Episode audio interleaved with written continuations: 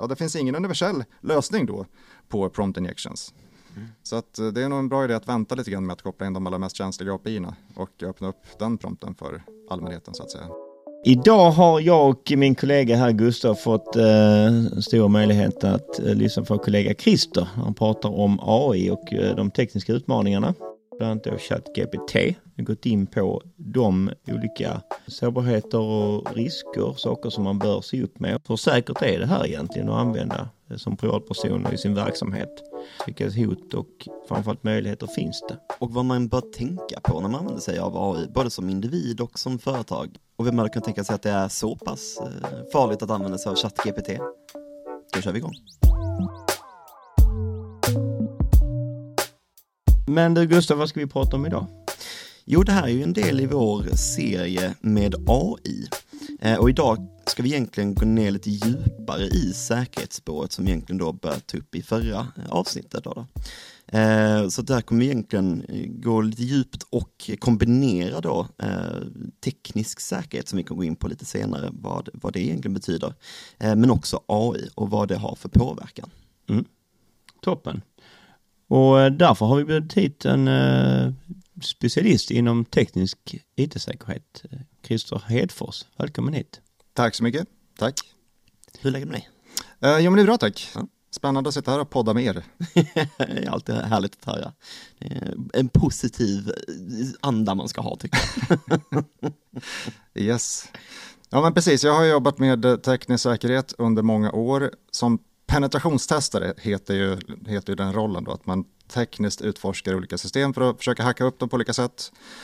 Uh, professionell hacker är väl en annan term för det. Och uh, i ett antal år och sen så därefter som avdelningschef för en grupp av hackers av det slaget. Men på senare tid så har jag fått upp uh, intresset för just AI kopplat till detta. Så att jag är ingen AI-expert på något sätt, ska jag understryka. Jag är ingen Max Tegmark eller Andrei Karpathy eller någon av de här som har jobbat med området AI under många år, utan det är snarare så att det har fångat mitt intresse kan man säga. Mm.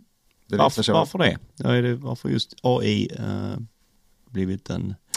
Ja, bra fråga. Det, jag, så här, jag höll, en, jag höll ett talk, ett kort talk på en liten teknisk säkerhetskonferens mm. uh, i, i våras på temat hur man kan skriva hackerverktyg mm. med hjälp av AI. För att det visar sig, ChatGPT är ju det mest välkända ja. för ändamålet och den släpptes den, jag tror att den 13, 30 november förra året. Och Uh, jag gjorde som ett experiment då, uh, att jag tittade i mitt arkiv av, på, på GitHub, mitt arkiv av, av gamla hackerverktyg som jag slängt ihop och valde ett av dessa för att se hur snabbt man skulle kunna återskapa det med hjälp av ChatGPT. Och det gick i stort sett på första försöket, mm. felfritt. Vilket var lite häpnadsväckande och också kanske på något sätt skrämmande. Uh, ifall man, för som, som penetrationstestare, det är ett kreativt jobb. Man mm. letar säkerhetsbrister i tekniska system. Uh, och uh, en av mina styrkor som jag, som jag själv har betraktat som en av mina styrkor ja. på området under alla år, det är just förmågan att snabbt slänga ihop verktyg för att lösa lite mer komplicerade utmaningar. Att inte bara förlita sig på färdiga verktyg utan ganska snabbt och raskt kunna vispa ihop tooling för, för, för att cruncha någon data eller för att interagera med någon tjänst eller dylikt. Mm. Och då var det häpnadsväckande för mig, så här jaw dropping moment, att uh, man med en enkel beskrivning i text på några sekunder kan få fram, och det här var ett, just det här specifika verktyget, det var ett port scanning-verktyg, det letar tjänster i, mm. Eh, på servrar på internet. Då. Med lite särskilda egenskaper, att det var särskilt snabbt designat för att uh, köra det i, köra det i en process, så att det, det är tekniska egenskaper som gör det mer effektivt. Men allt det här fångades i kod från beskrivningen i ord som jag gav till ChatGPT. Och det i sig tyckte jag var så häpnadsväckande för mig så att jag valde att hålla en, en liten presentation kring det. Ja. Så att det säger också någonting om min erfarenhet av, av området. Då. Jag har inte mer än den erfarenheten att jag tog mig an detta för ett halvår sedan. Mm. Men imponerades stort då av hur snabbt man kan få till verktyg för olika eh, ändamål på området. Mm. Och du sa fel, alltså är det som så att det var ett fullständigt verktyg? Var det som så att det var fungerande? Och... Ja, men det är en jättebra fråga. Det, det man får ut är ju i hög grad beroende på den beskrivning man ger yes. till prompten. Så att i den eh, jag var tvungen att ge några ytterligare kompletterande instruktioner. Så att i den första varianten så var en hel del hårdkodat, vilket system man går mot och sådant, vilka portar den ska eh, testa mot. Men för varje ytterligare instruktion som jag la till och även för rätt komplicerade saker, eller för, för mer än absolut basics, så som att till exempel interagera med portar som pratar krypterade protokoll, TLS-tjänster och sådant. Mm. Uh, även det var enkelt mm. att uh, beskriva i ord och sen på första försöket får det, och det ska undersökas att det är klart att, inte får, att du inte får en fungerande komplett implementation på första försöket heller. Är man ute efter produktionslösningar då behöver man bygga testfall och dylikt också, ja. vilket man också kan ta hjälp av AI för. uh, men just det här att man så pass snabbt kunde få till, ja, inte, inte eh, trivial utan ändå, ändå rätt kapabel funktionalitet utifrån några beskrivningar eh, på några minuter då. Mm. mm. Men det här, det här är ju lite grann det nya med, med AI och nu som kommer i ChatGPT. Man kan ställa frågor till en prompt och så vidare. Men hur, eh, och det finns ju många beskrivningar på vad det här är egentligen AI. Men hur skulle du vilja beskriva AI från ditt perspektiv som Ja, alltså området är ju mm. ett brett och stort område. Ja. Mer specifikt, det här är ju, ChatGPT bygger på Large Language Models, mm. förkortat LLM, stora språkmodeller, vilket är en typ av generativ AI. Uh, eh, och uh, inom generativ AI finns även de här bildgenereringsverktygen. Och uh, sen finns det andra varianter av AI också än bara generativ AI och det här är absolut ingen expert på överhuvudtaget. Det jag har labbat med och hittat fantastiskt intressanta use cases för inom teknisk säkerhet, det är just den här subgrenen inom AI, nämligen Large Language Models. Eh, och hur man kan utnyttja dessa då för mm. Eh, de här ändamålen. Mm. Och det är väldigt intressant för att man har ju själv testat och jag tror inte det, det, är väl väldigt få egentligen i, i marknaden som inte har testat eh, ChatGPT och liknande i diverse ändamål på något sätt.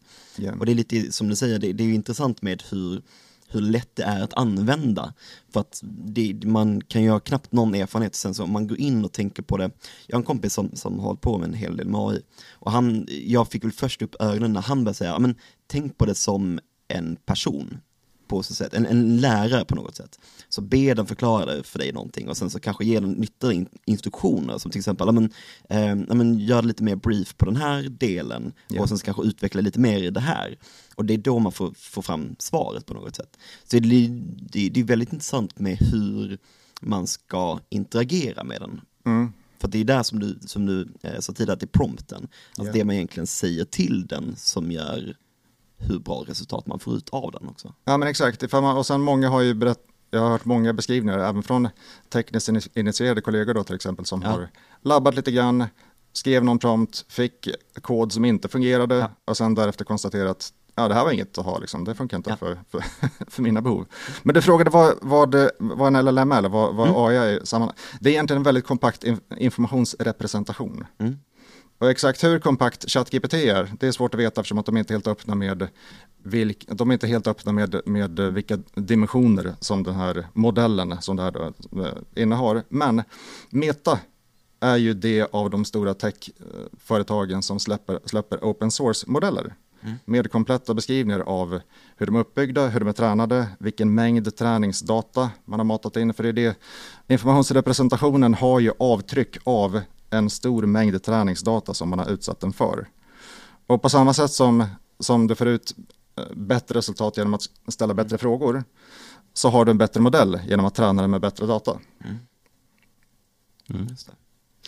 Nu, nu är det ju mycket diskussioner om hur man kan använda det här i sina verksamheter. Många företag som är och liksom börjar i de här eh, banorna har även satt igång och liksom i alla möjliga typer av processer. Eh, jag tänker utifrån eh, de här olika perspektiven, hot och förövare, eller vad heter det, förövare och, och hur man då kan använda det i sitt skydd egentligen. Mm. Hur tänker du där utifrån ett tekniskt perspektiv? Ja, precis. Får man spinna vidare på, för det finns egentligen tre områden kanske, kan man dela in eh, området teknisk AI-säkerhet inom. Mm. Ett är ju hur, precis som du nämnde, hur angripare kan utnyttja mm. de förmågor nu som, som är egentligen tillgängliga för alla som tar sig ut på internet och kan hitta till en, till en ChatGPT-prompt. Ja. Hur man använder det som angripare. och sen hur man kan använda det som försvarare för att skydda sina system. Uh, och sen så finns även områden, de överlappar förstås på olika sätt. Ifall man ska testa, ifall man, om man ska försvara ett system från angrepp så behöver man utsätta det för simulerade angrepp. Det vill säga alltså, en röd och en blå sida brukar vi, brukar vi kalla för. Den röda sidan angriper, den blåa sidan försvarar. Men sen finns det också området system som är byggda uh, som på olika sätt inkorporerar AI. Det finns ju mängder av, jag, jag skulle gissa, det här är en killgissning, men jag gissar att det poppar upp kanske hundra nya chattbottar per dag mm. som marknadsförs som att här har vi en jätteny bra chattbot med alla de här egenskaperna.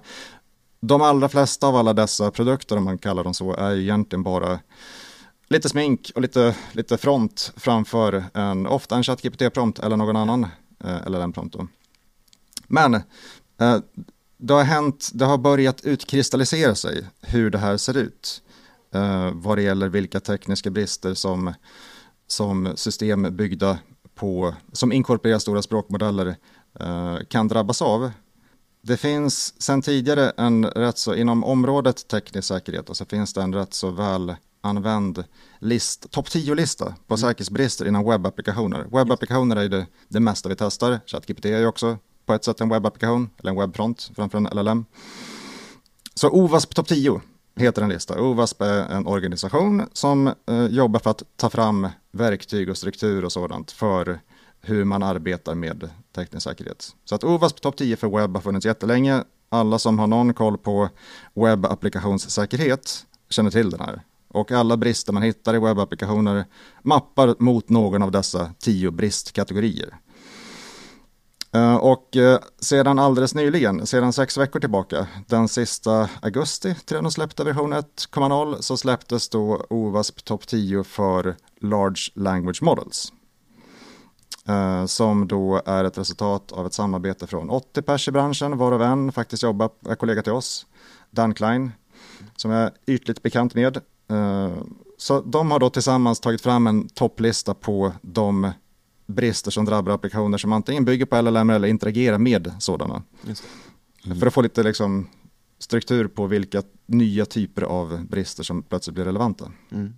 Och det är då tanken för att, att, för att hur man använder OWASP topp 10 är att man kollar och egentligen säkrar sin, sin tjänst, så, sin webbtjänst. Så det är tanken med då OWASP topp 10 för AI, då är det hur man säkrar sitt AI-verktyg då eller? Ja, precis. Eller exakt, verktyg mm. som, som uh, använder sig av, av uh, Large Language Models. Så att man kan till exempel, ett sätt att använda sådana här listor det är att, att till exempel säkerställa att till den säkerställa, det är så här, man kan aldrig säkerställa att, man inte, att ett system inte har brister, men man kan leta efter brister systematiskt på olika sätt. Men en variant då är att man ser till att täcka in alla de här tio delområdena som man vet nu kan drabba stora språkmodeller. Och det, och det ska ju sägas, det här är väldigt tidigt. Alltså ChatGPT blev ju, blev ju känt först för världen ja. för tio månader sedan. Ja. Och den här listan är ju sex veckor gammal så att uh, ingen av mina kollegor hade hört talas om det heller när, när vi kom tillbaka mm. efter sommarledigheten.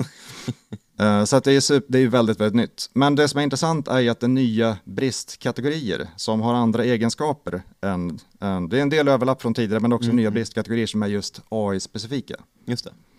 Jag, jag tycker, jag, jag, tittar på de här, eh, de, de är ju, tar ju upp mycket bra Eh, exempel i det här, bland annat kring självkörande bilar. Det här mm. att det kommer en vägskylt, men sitter ett, ett eh, klistermärke under till som gör att den här blir då eh, ny input som man inte kan mm. tolka och sen får man en annan output än vad som var tänkt. Yeah. Så eh, ja, poisoning då av olika slag. Så att så det är ju, ja, det känns som man har tänkt till verkligen i de här eh, OWASP, nya topp 10 då, AI. Eh, så att det inte blir något, i och med att det är så nytt så blir det ju är en risk att det blir väldigt abstrakt också. Så. Ja men precis, så att det, det, det är många som ännu inte har byggt sin första AI-applikation. Medans, ja. Eh, men precis just att just det faktum att det längst upp på den listan kan man nämna så finns det en bristtyp som heter prompt injection. Mm. Och prompten i, i stora språkmodeller det är ju där du matar in din fråga som sen då ger ett ofta intressant svar.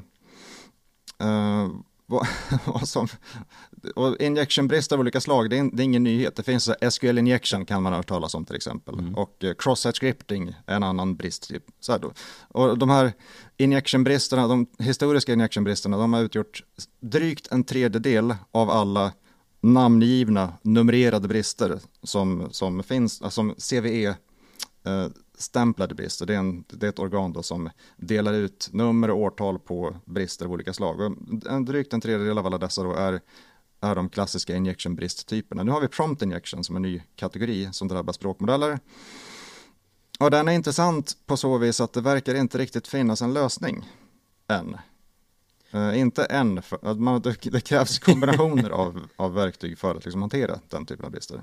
Och bara för att gå till grunden, prompt injection är väl att man egentligen eh, matar data till AI som ska förvanska egentligen hur AI kan generera nya Ja, men precis. Alla, har ju, alla som har labbat med ChatGPT till exempel för att förmå den att skriva någonting. Alltså mm. en del saker vill, de här, de här chatbottarna, de här språkmodellerna är ju alignade. De är ja. tränade och uh, man har ju arbetat med dem för att de ska säga så pass få uh, vad säger man, skadliga saker som möjligt. Alltså man, man vill till exempel inte kunna använda, man vill inte att folk ska kunna använda en LLM för att producera recept på bomber. Eller Exakt. Liksom, Eh, den typen av, och sen offensiva uttryck och vad det nu kan vara.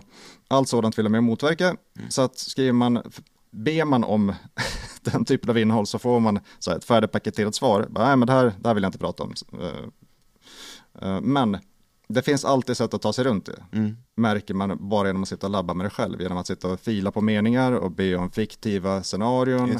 Och be chattbotten uh, beskriva en ja men precis, att storytelling till exempel ja. kan man använda. Och sen ett, ett, annat trick som ofta hjälper dig att ta dig förbi de här begränsningarna, det kan vara att man, att man ber chattbotten vara trevlig. Börja med absolut, mm. så inled ett svar med, med något positivt. Så här. Ökar faktiskt sannolikheten, har det visat sig, att man uh, lyckas jailbreaka, som det heter, mm. att man tar sig förbi de här begränsningarna. Mm. Um, men det här vill man ju förstås ha, innan man börjar koppla in organisationens data och API och sådant för att besvara frågor om lagerstatus på en viss produkt eller så här, hur många användare man har i en viss tjänst eller vad det nu kan vara. Så är det bra att man har koll på att, uh, att, den, att den gör just det man har tänkt sig. Och det är fint så länge som man själv ställer frågan oftast, ja. uh, även ifall den fortfarande kan hallucinera. Uh, och kommer fram till annat än, än vad man har tänkt sig. Men det, det, går alltså alltid relativt enkelt att så att säga snacka sig förbi den här prompten. Mm. Men vad som också har visat sig med alldeles färsk sentida forskning, det finns ett team som har tagit fram språkmodellerna, de är väldigt språkkapabla. Så de pratar många språk, de pratar alla språk de har tränat på, det vill säga till exempel svenska, tyska, japanska, grekiska, Japan ryska etc. Och sen diverse olika dataspråk så att säga, alltså C, C++, Python, Golang etc. Massvis ytterligare. Mm. Men inte bara dessa, utan även diverse hittepåspråk som liksom liknar något av dessa, eller någon kombination av dessa. Och det är ju det är en förmåga som ingen människa har, så att det här är egentligen aldrig tidigare skådad språkbegåvning. Mm. Språkbegåvning, den här förmågan att, eh, att mm. kunna inferera betydelser från text och teckensekvenser som ser ut att ha någon struktur som vi kanske inte snappar upp, mm. men som språkmodellerna då överraskande nog kan uttolka diverse intressanta slutsatser från. Mm. Så att den här nya forskningen då, den konstaterar att man med hjälp av, de, de beskriver en metod, det är ett, det är ett, ett paper då, eh, som på kanske 30 sidor, med tillhörande källkod också för hur man kan reproducera detta. Så kan man ta fram teckensekvenser som har den intressanta egenskapen att de, det är universella jailbreaks, det vill säga om du, du kan du kan slänga på den här teckensekvensen efter en, en fråga där du ber om någonting som en språkmodell typiskt inte ska svara på. Till exempel då, mm. här, hur bygger man en bomb? Nej, men det vill jag inte. Ja, men hur, hur bygger man en bomb?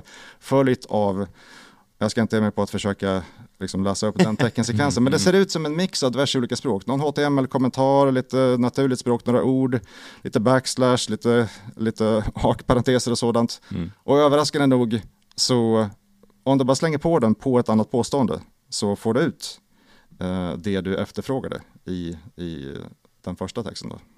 Mm. Ja, spännande. Det är, som ChatGPT sagt att ja, men, man ska inte kunna, man har sagt att typ vissa ja. hinder, men att ja, de är, de är inte så svåra alltid. Nej, men precis, och just det här, den här slutsatsen, slutsatsen de drar är ju att det, attacken heter, nu ska jag se om jag, det här är en riktig, det är ingen tungrullare där, vi ska se. Uh, Universal Transferable Adversarial Attacks on Aligned Language Models heter attacktypen. Och Universal Transferable uh, innebär att det, de här teckensekvenserna, man kan räkna fram sådana som funkar inte bara på en språkmodell utan på diverse ja. olika. Mm. Och dessutom säger de att det verkar som att det finns väldigt många, till synes oändligt många, olika sådana teckensekvenser. Så att just det exemplet de har med i pappret uh, som exempel, det, det liksom patchades väldigt snabbt i ChatGPT till exempel. Så matar man in det där så får du ett, uh, ett felmeddelande mm. som skiljer sig från andra sådana här eh, felmeddelanden. Så att det, de, de, har gjort en särskild patch just för den teckensekvensen. Mm. Men vad det verkar då så går det att räkna fram till synes oändligt många olika sådana. Så att i dagsläget då så verkar det som att det är, ja det finns ingen universell lösning då på prompt injections. Så att eh, det är nog en bra idé att vänta lite grann med att koppla in de allra mest känsliga API-erna och öppna upp den prompten för allmänheten så att säga. Ja. Ja, för det är lite, vi, vi har tidigare snackat i podden om eh, att skapa, alltså det finns ju en del skapare, företag till och med som skapar ja, men, skadlig kod och skadlig programvara och liknande. Mm.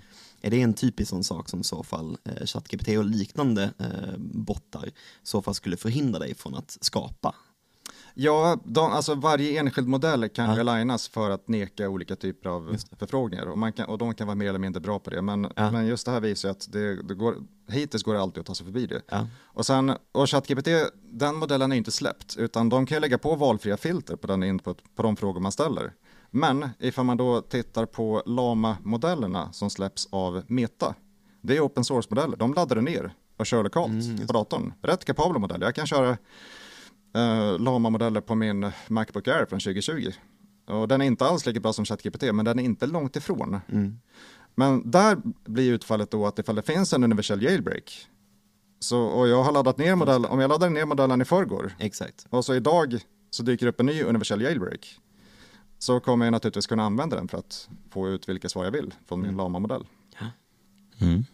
Men det här blir ju en form av upprustning då, att man får ju en kraftigare eh, vapen att kunna så att säga använda som angripare, men också större möjligheter som eh, att försvara sig mm. med då. Olika, yeah. eh, vad, om du tittar framåt, för, vad, vad ser du för, för liksom hur kommer den här utvecklingen, tror du, se ut? De kom, de bara, ja, det är ju mindre än ett år liksom sen ChatGPT och nu pratar ju alla om det liksom. Men i de här kommande åren, hur vi kommer att se det här med detektionsförmåga och möjligheter att liksom kunna stoppa eh, attacker på olika sätt. Ja, det här man ska ha sin kristallkula, det är mycket mm. lättare. ja. Det är mycket lättare att konstatera vart, vart, liksom, vart förmågan är på väg, ja. snarare än vad resultatet av den förmågan blir. Men ifall man återigen tittar tillbaka tio månader sedan som, som ChatGPT blev allmänt känd och sen så har ju det då konstaterats vara den snabbast växande tjänsten mm. någonsin. Uh, och sen kanske man överraskas ibland över att det är många man pratar med som inte har labbat med AI än. Mm. Ja, den, den, växer så snabbt men den har inte vuxit så snabbt i mer än tio månader. Mm. mm. Så att adoption rate pågår fortfarande. Och sen en stor del i, i att bygga AI-förmåga handlar om att bekanta sig med hur en stor, stor språkmodell fungerar. Hur du får ut bra svar, hur du ställer bättre frågor. Mm. Så att det pågår ju nu. Så att uh, alla som jobbar på något sätt inom IT och även folk som inte jobbar inom IT uh, men har tillgång till ChatGPT blir ju gradvis bättre på att använda detta. Mm. Uh, men jag såg en siffra på, och det här, det här någonstans i häraden av 60% av den kod som nu committas till, till GitHub, alltså mm. open source mjukvara, skrivs med hjälp av AI, med hjälp av Copilot. Så att Eh, och det var också en sån här, det var ännu en sån här insikt som jag själv, efter att jag hade reproducerat mitt tidigare hackerverktyg på några sekunder med ChatGPT, mm.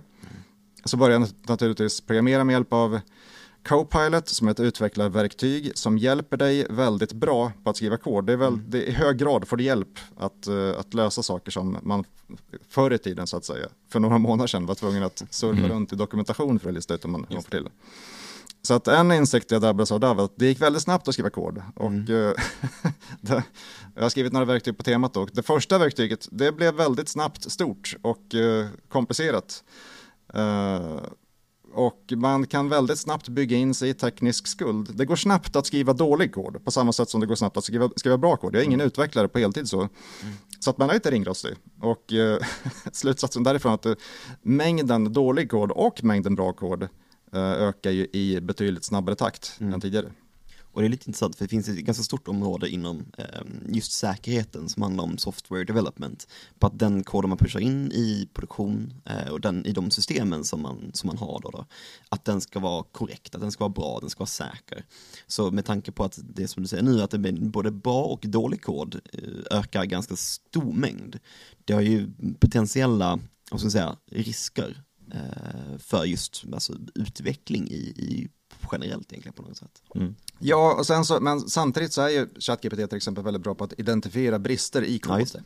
Så att jag förväntar mig att man kommer ha allt bättre verktyg integrerade i sina utvecklingsverktyg som talar om för dig att nu gjorde du något tokigt här, det här, så, så här kan du inte göra, De- det här, blir, det här leder till en trasig SQL-fråga till exempel. Eh, och de, de, de svaren kan du få genom Ja. att bara klippa in koden och ställa frågan nu. Men bättre verktyg som liksom live hintar och talar om för dig och hjälper dig så att man, har, så att man har med sig en allt bättre coach på vägen så att säga. Kan man förvänta sig. Och det kommer jag ihåg från när jag pluggade. Jag, jag är ju usel på att eh, programmera tyvärr. Men jag kommer ihåg när man satt där och eh, kö- körde sin debugging. Det var ju det tråkigaste som fanns i princip. Man bara kunde slänga in koden där och liksom låta en AI hantera det och sen så sitta med det roliga. Ja. Kan tänka mig ganska schysst ändå. Ja, men precis. Och sen så, men eh, mer på det temat då, det här med att få hjälp att skriva kod. Den är också, De är ju rätt bra nu, numera också på att eh, skriva eh, hela koden, testköra, hitta fel och eh, fixa koden eh, live. Ifall man fortsätter på, om vi fortsätter prata om just ChatGPT, då, som är den språkmodell jag labbat mest med. Så du, i bruset av alla AI-nyheter så kan det vara svårt att fånga upp de här mer relevanta, eller de, de nyheterna som kanske spelar roll för vad man kan förvänta sig framgent. Exakt. Men det dök upp två features under tidig sommar i ChatGPT. Och en heter Function Calling, den är superintressant. Och den andra hette först Code Interpreter och heter numera Advanced Data Analyst. Så att det här är plugins du kan aktivera på ditt privata konto bara. Eh, Och med Advanced Data Analyst så kan du inte bara be om eh, programmeringsrelaterade eh, svar eller frågor som behöver besvaras med hjälp av kod som behöver skrivas då, utan den skriver också koden och kör koden och eh, fixar koden ifall det var buggar som kastar exceptions och ger det resultatet. Till exempel kan du ladda upp en fil, du kan ladda upp en datafil och be att få den grafad. Ja, då laddar den ner de bibliotek som behövs och sen så hackar den på och man ser i real- i realtid hur koden genereras. Och sen körs den då i ja, ett Kubernetes-kluster heter det, det är en typ av containermiljö. Eh, och så får du resultatet därav. Så att, och, vad man kan konstatera att den är särskilt bra på, den är väldigt bra på att läsa API-dokumentation till exempel. Mm. Så att om du har ett API, och det här är, och nu pratar jag om function calling, den, den, den andra featuren, function calling och eh, data analyst. Om du har ett API med funktioner, till exempel i din organisation, eh, som du vill göra någonting intressant med då, så, eh, så kan du väldigt snabbt få till fungerande integrationer. Så att just API-integrationer förefaller de här modellerna vara väldigt bra på. Eh, Och eh, det får man ju räkna med också att de fortsätter att bli bättre på i hög takt. Så att är man, jobbar man med API-integrationer till vardags så är, det, så är det en bra idé att hålla ögonen öppna. Det finns många möjligheter. Vi läste, ju pratade precis om det här eh, företaget som spelföretaget som skulle göra, minska personalstyrkan med hälften för att förlita sig på AI för att bygga spelmiljöer. Så att vi får väl se var, var den utvecklingen bär också.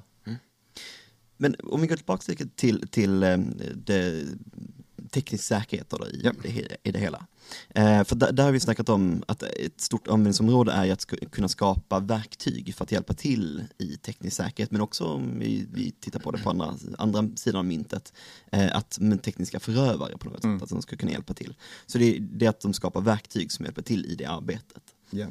Men har det utforskats mycket om att hur man sätter dem in action så att säga? Alltså det jag tänker på är att ja, men, man sätter in att AI ska vara offensiv. Finns det någon stor historik runt omkring det eller?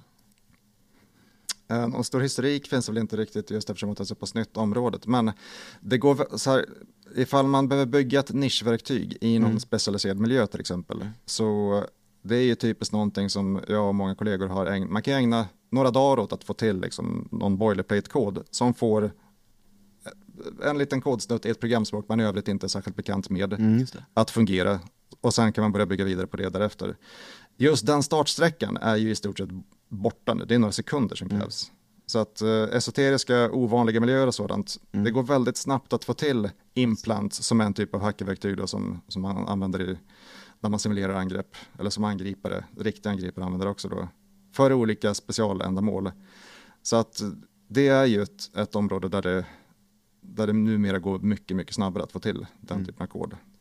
Så lite likt som du var inne på tidigare med att man har en coach em, som hjälper till en i princip i sitt arbete när man programmerar. Yeah. Så blir det lite som en coach som i princip hjälper till när du försöker attackera också. Absolut. Mm. Och eh, det gör det ju också svårare att förlita sig på signaturbaserade, Mm, eh, signaturbaserad detektion. Mm. För att det är ju hur lätt som helst att få fram ett nytt program skrivet i ett annat språk som gör exakt samma sak. Den tröskeln är helt borta. Du kan ju, du kan ju i stort sett beskriva programmet i ord och sen kan du be om implementationer av det programmet i Mm. följande språk. Och sen rasslar det till och så har du då fem, sex olika varianter av samma program. Mm. Som alla ser olika ut och olika Exakt. signaturer. Ja. Vilket då betyder i, i sig självt att ja, men det finns en ganska stor eh, vad ska säga, eh, teknisk skuld när det kommer till eh, att ha detekteringsverktygen också för att kunna upptäcka dessa sakerna. För att som du säger, för att signaturbaserade eh, skydd är ju egentligen det som varit mest populärt ti- eh, hittills egentligen på något sätt. Ja. Att kunna skydda miljöer. Men hur skyddar man någonting när man inte kan förlita sig på att det finns den signaturen? Ja, precis. Och då, men å, återigen, där kan man ju ta hjälp av AI då på så vis att Mm. du, kan ju, du kan ju få till bra beskrivningar av kod. Mm. Även obfuskerad, alltså kod som är, som är processad för att bli svårtolkad. Mm. Uh, obfuscation är liksom ett, Mm. ett område som, Mm. som man kan nysta upp mycket lättare med hjälp av AI. Så att du kan ha en kodsnutt som ser rätt obegrip, obegriplig ut för en människa, be den snyggas till, tjoff, och sen be den kommenteras. Och plötsligt så blir det mycket lättare för en människa att förstå. Och, eh, men samtidigt så kan man ta det ett steg längre. Du, behöver ju inte nödv- nödvändigtvis sitta och tolka koden själv, utan du kan ju ha en fråga. Är, det här, är den här koden av det slag att den interagerar med tjänster på internet? Kan du ha som en färdig fråga som du vill ställa mot all kod som på något sätt uppvisar en, ett misstänkt beteende. Ja. Och eh, med hjälp av en AI så kan du få eh, så kan svaret produceras bara utifrån den färdigställda frågan i text. Mm. Så likt igen, det blir coach på, på det sättet att, ah, men är det här någonting som är skadligt för oss? Ja eller nej. Och så Ja. blir det. Exakt. Lite högre precision i, det, i vad som är misstänkt. Blir Ja. det, eh, vi tolkar det som. Um, egentligen. Och det- Detektionsförmågan blir ju skarpare på, ett- på ett annat sätt jämfört med kanske tidigare kan jag inbilla mig här med att ehm, ja, men det har ju de som eh, många av de här detektionsverktygen, eh, virusprogram och allt det här, det har ju byggt på att ja, men man kan ju lära in saker, men där är ju också en, eh, en ganska lång inlärning på det här. Det ska rapporteras in saker och så här. Och då har man kanske liksom mer tänkande, då, då kan man ju minska tiden här och eh, ja, analysera det bättre helt enkelt. Och det drar ner arbetsbördan också på vad man brukar kalla på eh, false positives eller falska positiva. Så det kanske minskar arbetsbördan för säkerhetsanalytiker eh, när det kommer till detekteringsförmåga och arbetet runt omkring det. Kan Mm. mig. Ja, öka kapaciteten. Det är alltid så att det, man hinner bara titta på så mycket. Ja. Men, men om man kan få färdiga svar Ja. från färdigställda frågor applicerade på hundratals eller tusentals olika binärer så, Mm. så eh, är det till stor hjälp. Du Christer, avslutningsvis här, vad, vad tycker du, med som medskick här, man använder AI som individ och eh, som företag? Mm, som individ då först så skulle jag rekommendera alla egentligen att vara nyfikna och utforska Mm. det här. Eh, för att den största, det, det största området att utveckla det är egentligen den egna kännedomen om Ja. området. Eh, och man, man överraskas ofta och drar nya intressanta slutsatser när man sitter och labbar med det. Mm. Så det är rådet till individer. Och till företag så är det nog bra att inse att alla, eller en, stor and, en ökande andel av personalen på företag kommer ändå använda AI-verktyg. Så att ifall man vill ha koll på informationsflödet och var man exponerar företagsinformation så är det bra att skaffa sig ett företagsabonnemang och göra det tillgängligt för de anställda. Eh, av något slag. Det finns ju alla möjliga, jag ska inte pitcha någon specifik, specifika där, men det finns ju diverse olika, det finns en mängd olika och eh, det är till stor hjälp i arbetsvardagen för de allra flesta. Och folk använder det, så att se till att det är tillgängligt internt på företaget så att man har koll på det informationsflödet. Perfekt. Mm. Tack så jättemycket. Tack så mycket. Tack själva. Och om du tycker det här var intressant eh, om dagens ämne och AI och säkerhet så gå gärna in på vår hemsida där vi just nu har ett blogginlägg från Kister där jag går igenom bland annat då just prompt injection eh, och gå in mer i detalj helt enkelt. Vi kommer komma tillbaks med lite nya avsnitt eh, inom området AI så att eh, se fram emot det helt enkelt. Det gör vi. Tack så mycket, hej då! Okej.